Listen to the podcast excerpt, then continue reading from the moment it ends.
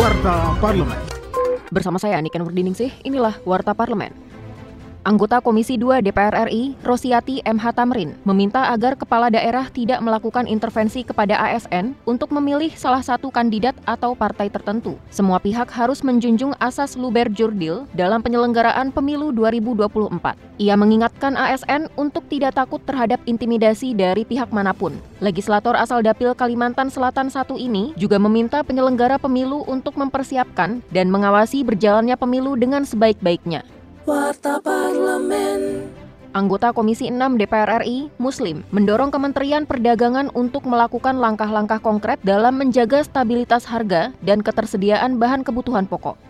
Tapi kadang-kadang setelah Pak Menteri sidak ini, tiba-tiba barang ini hilang, hilang lagi Pak Menteri ini. Ya ini ini real kenyataan. Tentu kita berharap ini ada upaya-upaya yang dilakukan oleh pihak Kementerian Perdagangan ini berkaitan, saya nggak tahu nih siapa di balik ini semua. Pasti permainan ini kan pasti di akhir-akhir, apakah di menjelang Idul Fitri dan Natal, kemudian akhir tahun. Saya pikir ini hal yang bukan hal yang baru. Kita harapkan ada langkah-langkah konkret yang dilakukan oleh pihak pemerintah.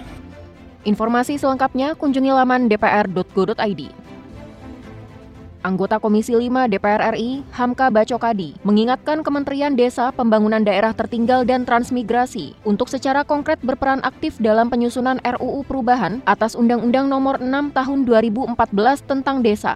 Hamka juga menyoroti perbaikan sistem alokasi dana desa yang dinilai belum optimal karena selama ini masih bergantung kepada bupati. Ia mengusulkan agar sistem pengalokasian anggaran dana desa disalurkan secara langsung kepada masing-masing desa. Televisi Radio Parlemen. Demikian Warta Parlemen, Produksi Televisi dan Radio Parlemen, Biro Pemberitaan Parlemen, Setjen DPR RI.